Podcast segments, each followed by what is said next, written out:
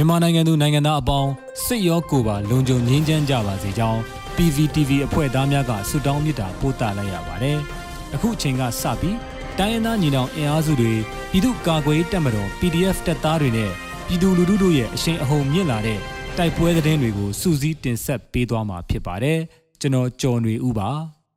ပထမဆုံးအနေနဲ့ကလေးကြောက်ကာရွာမှာစစ်တပ်နဲ့ပြူစောထီးများကဖမ်းဆီးနှိပ်စက်တဲ့ပြည်သူ90ဦးခန့်ကိုကယ်ထုတ်ရမှာတိုက်ပွဲဖြစ်ပြီးပြူစောထီး6ဦးသေဆုံးတဲ့တဲ့တင်တင်ဆက်မှာပါ။စကိုင်းတိုင်းကလေးမြို့နယ်ကြောက်ကာရွာမှာစစ်တပ်နဲ့ပြူစောထီးများကပြည်သူများကိုဖမ်းဆီးနှိပ်စက်နေတာကြောင့် PDF ကဝင်ရောက်တိုက်ခိုက်ပြီးပြည်သူ90ခန့်ကိုကယ်ထုတ်ခဲ့ကြောင်းအမျိုးသားညီညွတ်ရေးအစိုးရကာကွယ်ရေးဝန်ကြီးဌာနကသတင်းထုတ်ပြန်ပါတယ်။ဇူလိုင်လ14ရက်နေ့သခိုင်းတိုင်းကလေးမြို့နယ်ကြောက်ကာကြီးရွာမှာစစ်တပ်နဲ့ပြူစောထီတွေကပြည်သူတွေကိုဖမ်းဆီးနှိပ်စက်နေတာကြောင့်ပြည်သူ့ကာကွယ်ရေးအဖွဲ့ကလေးကဝင်ရောက်ကယ်ဆယ်တိုက်ခိုက်ခဲ့ရာပြူစောထီ6ဦးသေဆုံးခဲ့ပြီး19ဦးထွက်ပြေးသွားခဲ့ကြောင်းဖမ်းဆီးခံထားရတဲ့ပြည်သူ90ဦးခန့်ကိုကယ်ထုတ်နိုင်ခဲ့ကြောင်းသိရှိရပါတယ်။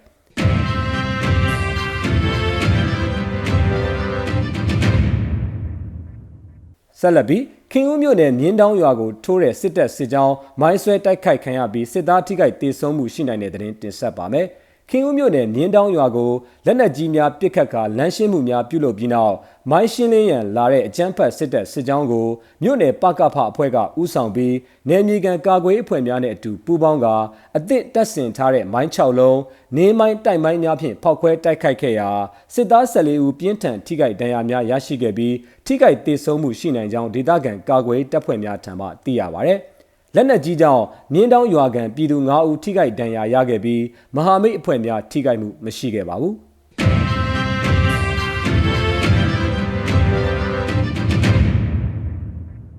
မတူပီခလိုက်ရ140မှဘုံမူတန်းနိုင်ဝင်းကိုမြို့ပြင်သို့ခေါ်ထုတ်ရှင်းလင်းလိုက်တဲ့တဲ့ဆက်လက်တင်ဆက်ပါမယ်။ချင်းပြည်နယ်မတူပီအခြေစိုက်ခလိုက်ရ140မှဘုံမူတန်းနိုင်ဝင်းကိုဇူလိုင်လ15ရက်နေ့မှာ CDF မတူပီကရှင်းလင်းလိုက်ကြောင်း CDF မတူပီကထုတ်ပြန်ပါတယ်။ ရှင်းလင်းခံလိုက်ရတဲ့ဘုံမူတန်းနိုင်ဝင်းဟာစစ်ဗျူဟာထောက်လန်းရေးတအူးဖြစ်ပြီးတက်တွင်း CDM ပြုလုပ်လိုသူများပြည်သူ့ကာကွယ်တပ်ဖွဲ့များရဲ့လှုပ်ရှားမှုများကိုစောင့်ကြည့်ထောက်လန်းနေသူဖြစ်ကြောင်းဗိုလ်မှူးတန်းနိုင်ဝင်းရဲ့သတင်းပေးပို့မှုကြောင့် CDM လုပ်ရန်ပြင်ဆင်နေသူစစ်သား9ဦးတပ်ဖြတ်ခံရပြီး4ဦးထောင်ချခံထားရကြောင်းဇွန်လ25ရက်နေ့မှာဗိုလ်မှူးတန်းနိုင်ဝင်းကအမျိုးသမီးတဦးကိုကိုယ်တိုင်ကိုကြတပ်ဖြတ်သူဖြစ်ကြောင်းထုတ်ပြန်ထားပါတယ်။